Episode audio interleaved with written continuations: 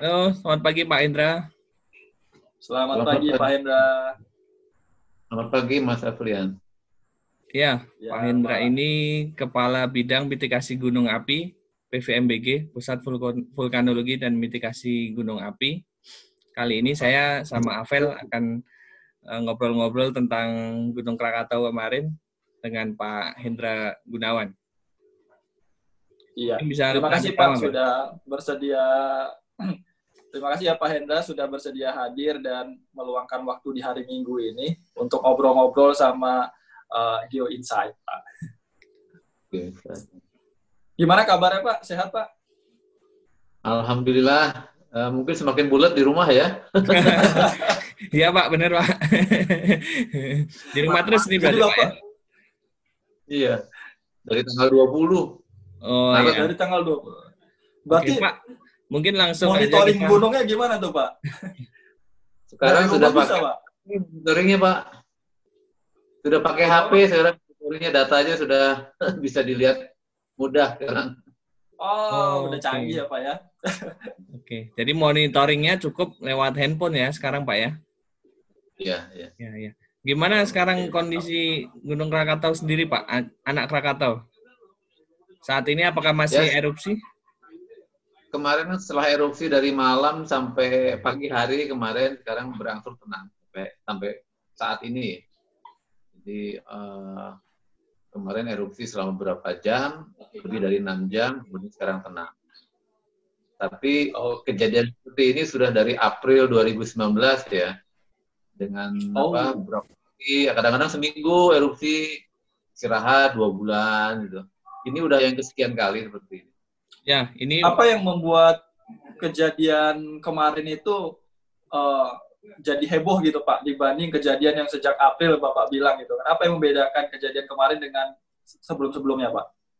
Ya, saya terus terang saya bilang ke istri saya juga saya bingung. Kenapa? kok sekarang malah ribut?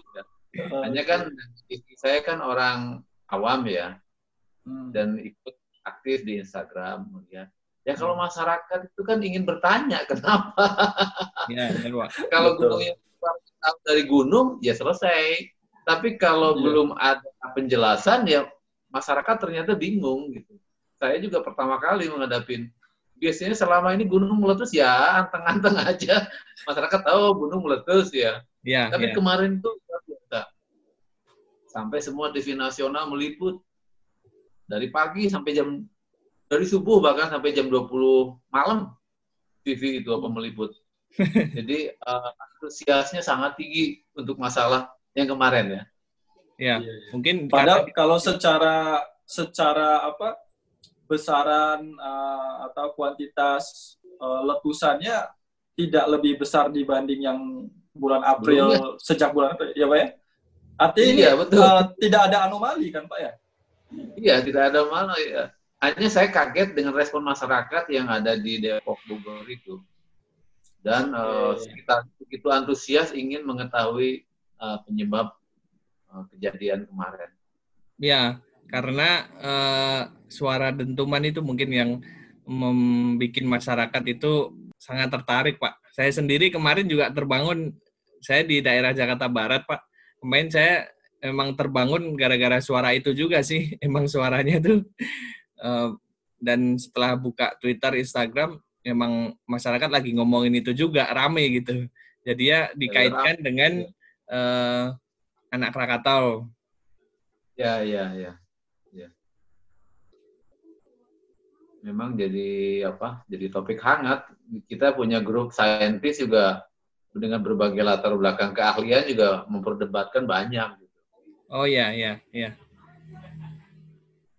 Kalau statusnya Gunung Anak ya, Krakatau ini masih uh, waspada, Pak ya? Masih, masih level 2 ya. Level 2 ini kan artinya tingkat risikonya masih kecil lah ya. Kalau kita terjemahkan dalam jarak, masih dalam jarak 2 km dari kawah. Oke. Okay. Ya, artinya kan di sana kan cuma di pulau aja bahayanya kan. Mm -hmm. Makanya level yeah, yeah, yeah tingkat aktivitas atau level ini berkorelasi langsung dengan tingkat ancaman.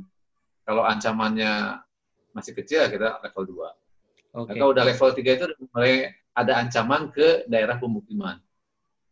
Oke. Okay. Saat ini kalau nggak salah yang status di, uh, level 3 itu ada tiga gunung ya Pak di Indonesia ini? Ada di Karangetang, di Sinabung, dan Gunung Agung.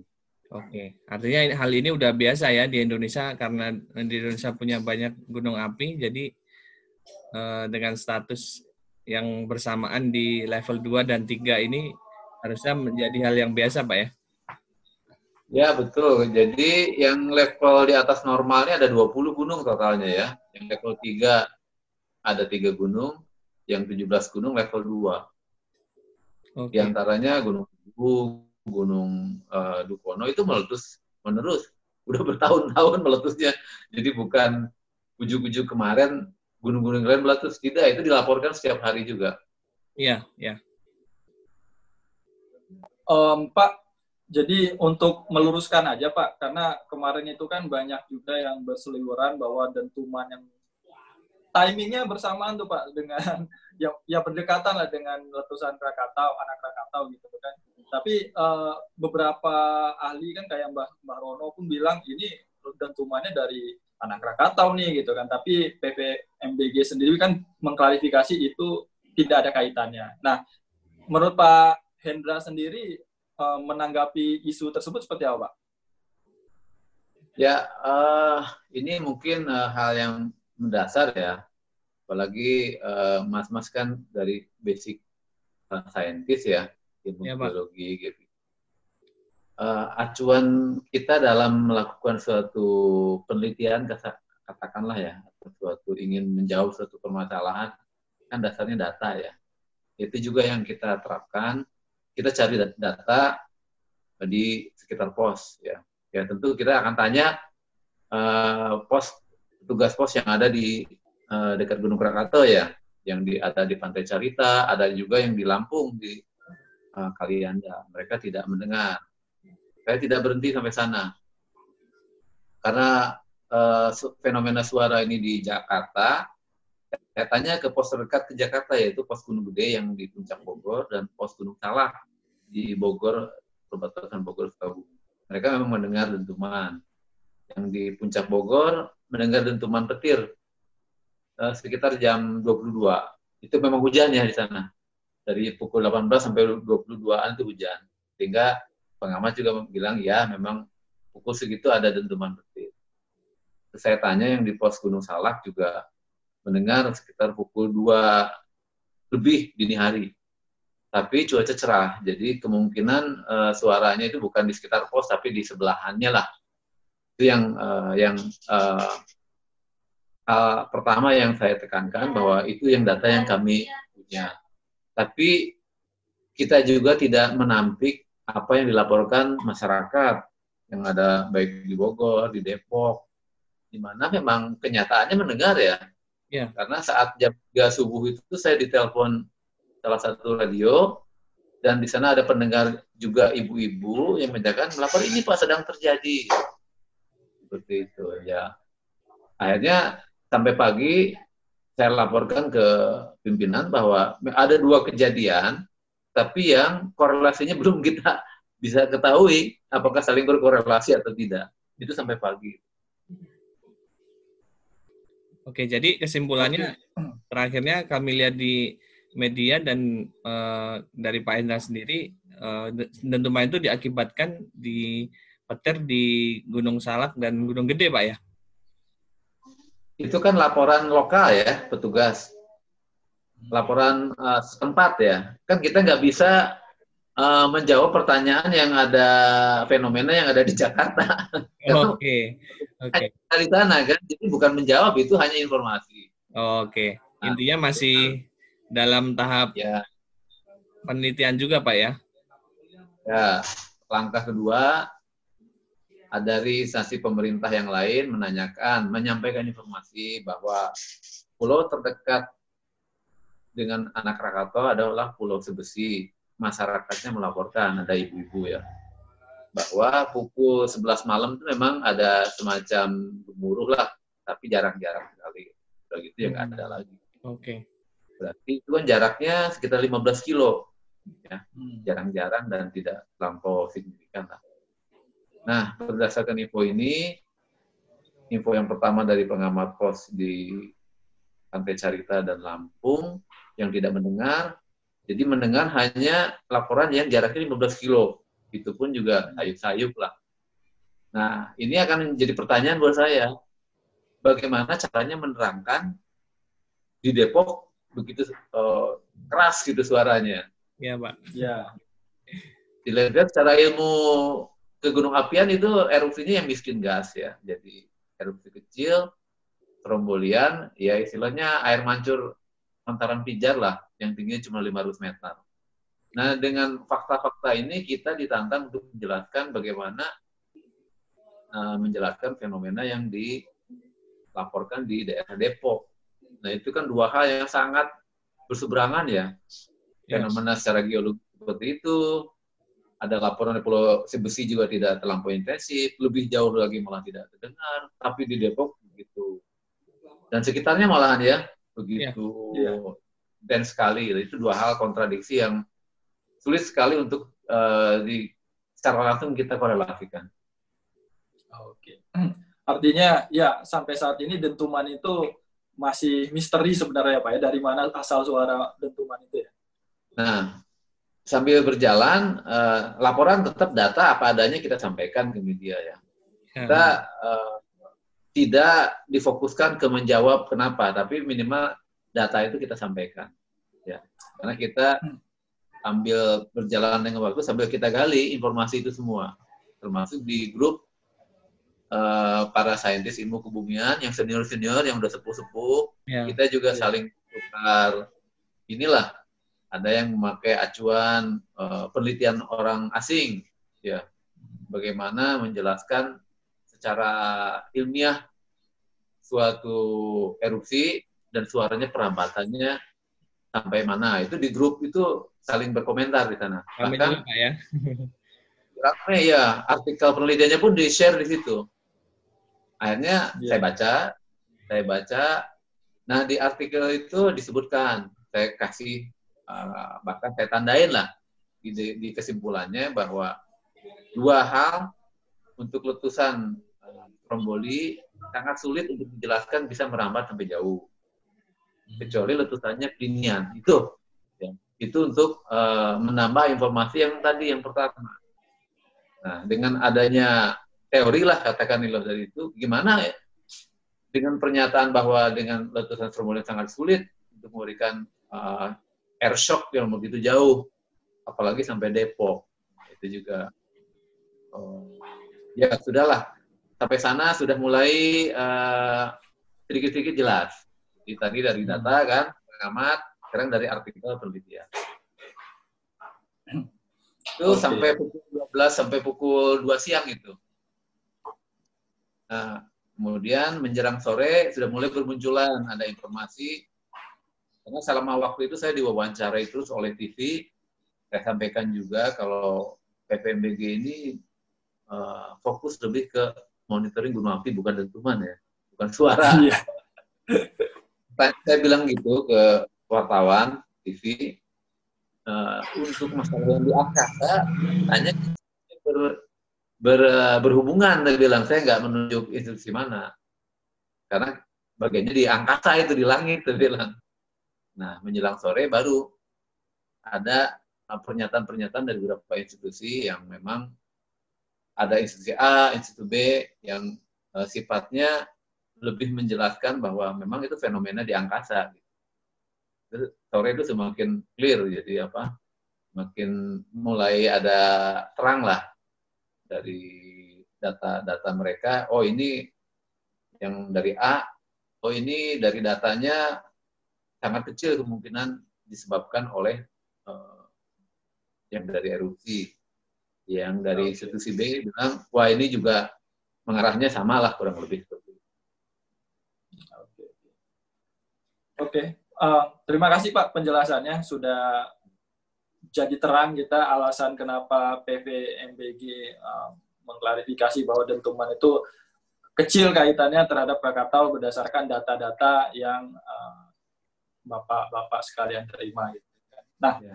kalau uh, dari sendiri kan fokusnya memang memantau aktivitas uh, anak Krakatau ini Gunung. akan membahayakan masyarakat atau tidak gitu kan Pak. Dan saat ini Ya, apakah betul, statusnya masih waspada atau sudah turun Pak? Karena tadi kan Bapak bilang udah mulai mereda nih.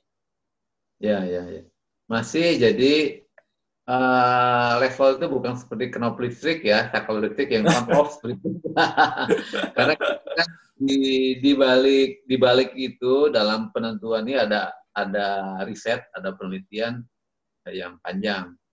Sehingga kita juga sampai pada pembuatan skenario-skenario kemungkinan berdasarkan data monitoring ke depan seperti apa perkiraan itu perkiraan bahaya ya bukan perkiraan kalau gunung erupsi susah diprediksi hanya perkiraan bahaya kan itu yang fokus ya apakah ke depan akan berbahaya nah selama masih ada potensi bahaya ya kita masih di level 2 Oh, oke oke.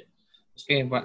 Baik Pak. Kalau eh, Gunung Krakatau ini emang eh, sedang melet apa erupsi ini apakah dia lagi membangun tubuhnya lagi, Pak?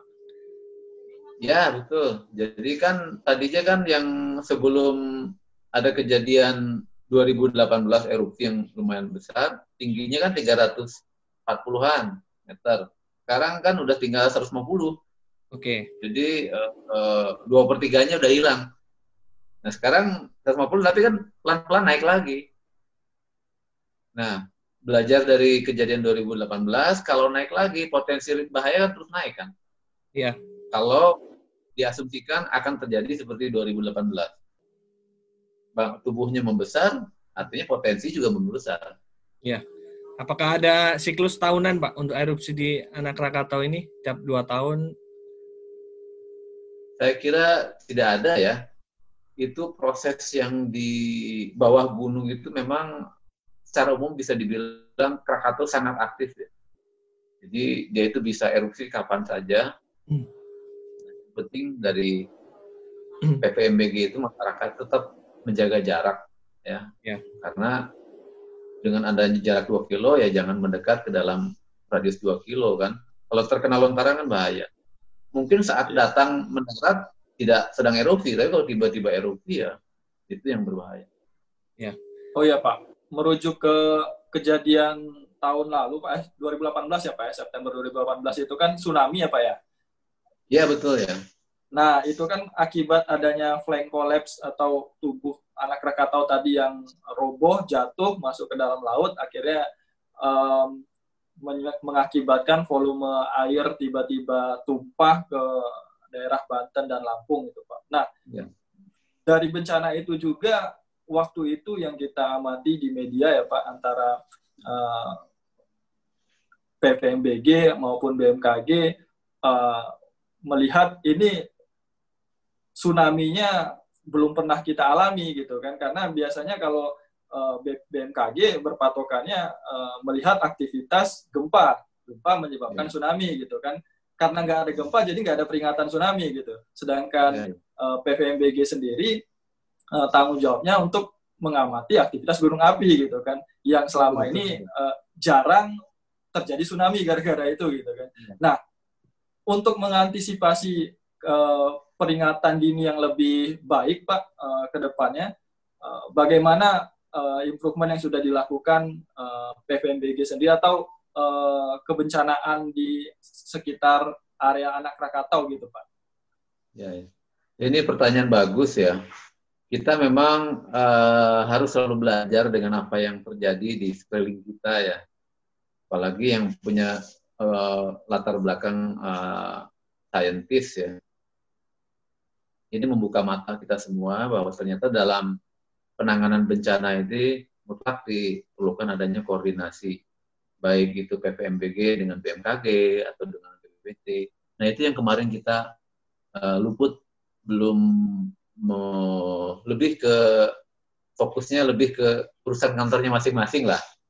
Nah dengan adanya kejadian yang ada irisan, ini kan ada irisan kan, akhirnya kita membuat kerjasama dengan BPPT, dengan BNPB, dengan dengan BMKG eh, memonitor bersama.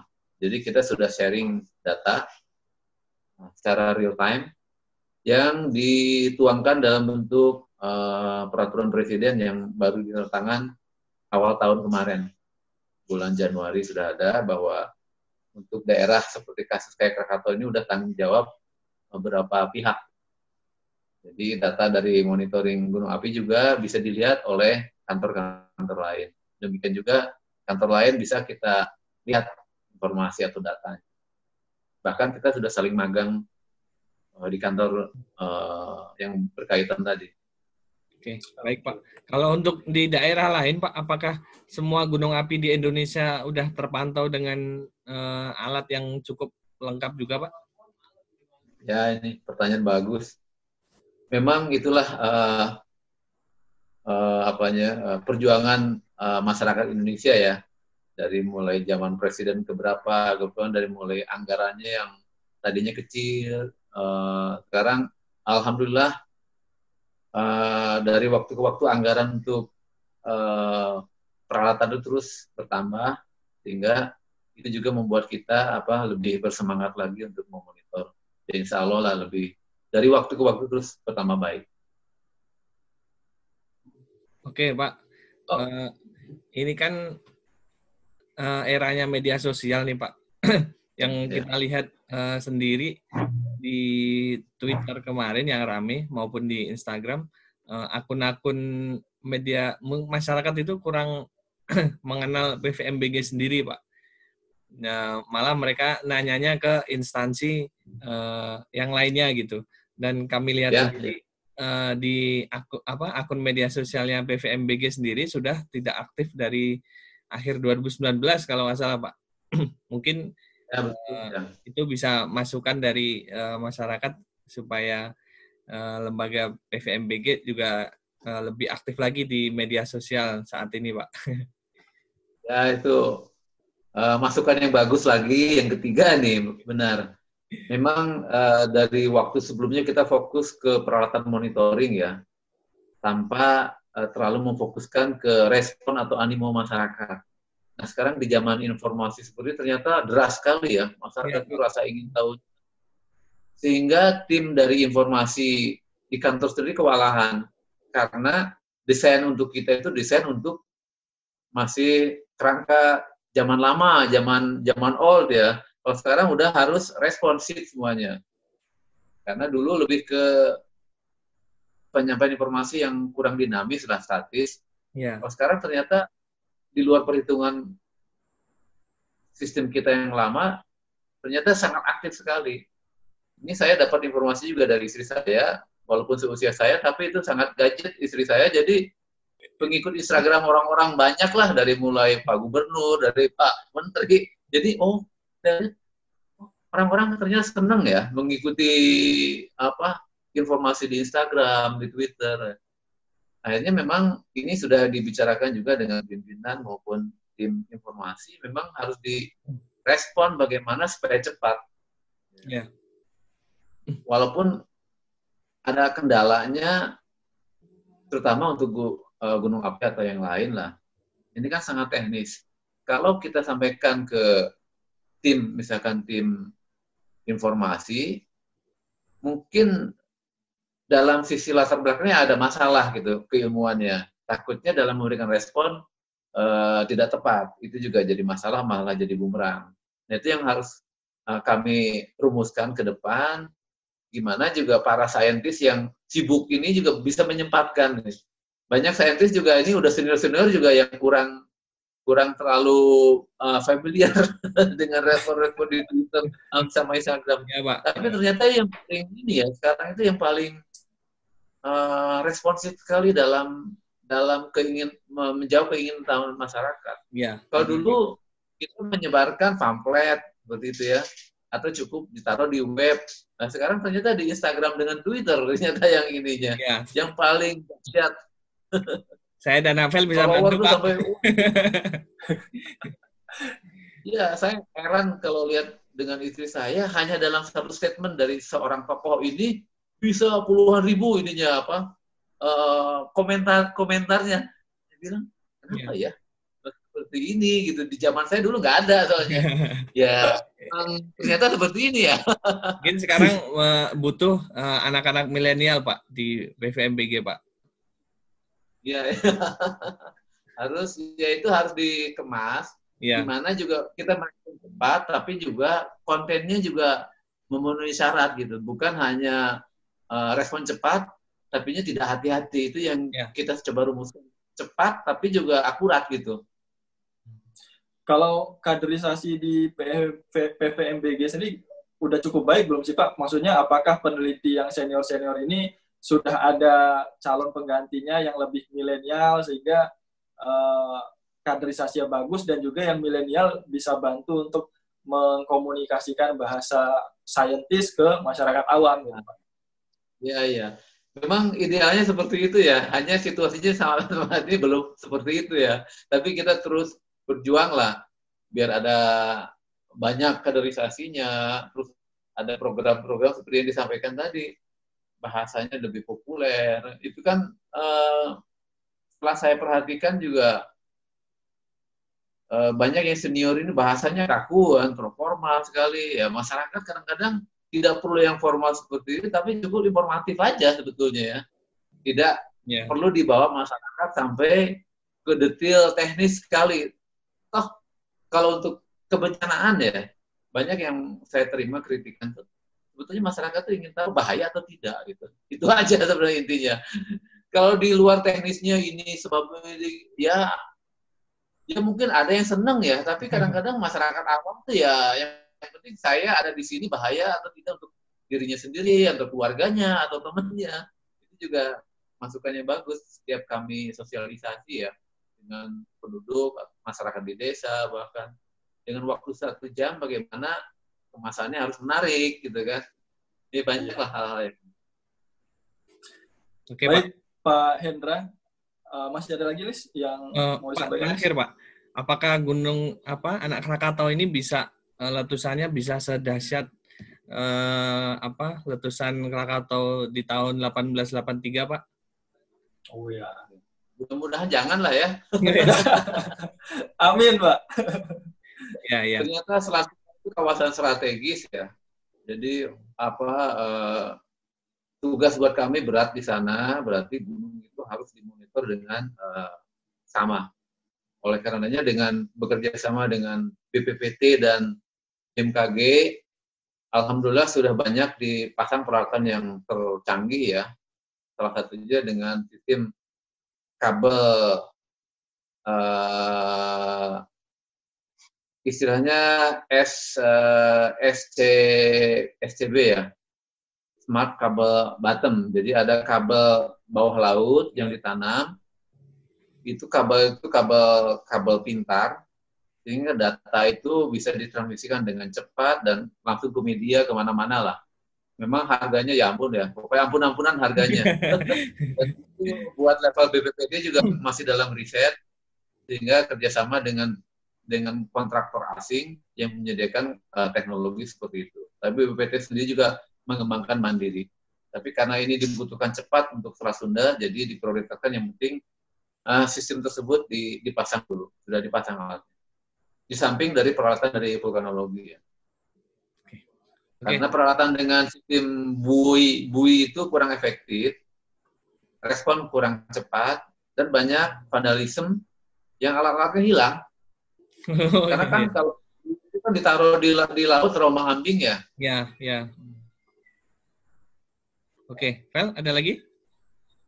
Uh, mungkin cukup seperti itu dulu Pak Oke. untuk uh, diskusi kita pagi ini. Terima kasih banyak. Setidaknya uh, para followers Geo Insight sudah mendapatkan pencerahan yang banyak pagi ini dari Pak Hendra tentang uh, ya kabar teranyar dari Krakatau lah dan bagaimana uh, statusnya saat ini dan ancamannya ke depan. Terima kasih banyak Pak Hendra. Terima kasih Pak Indra. Selamat siang. Sama-sama Pak. Mas. Al. Sama-sama. Mas Holid, ya.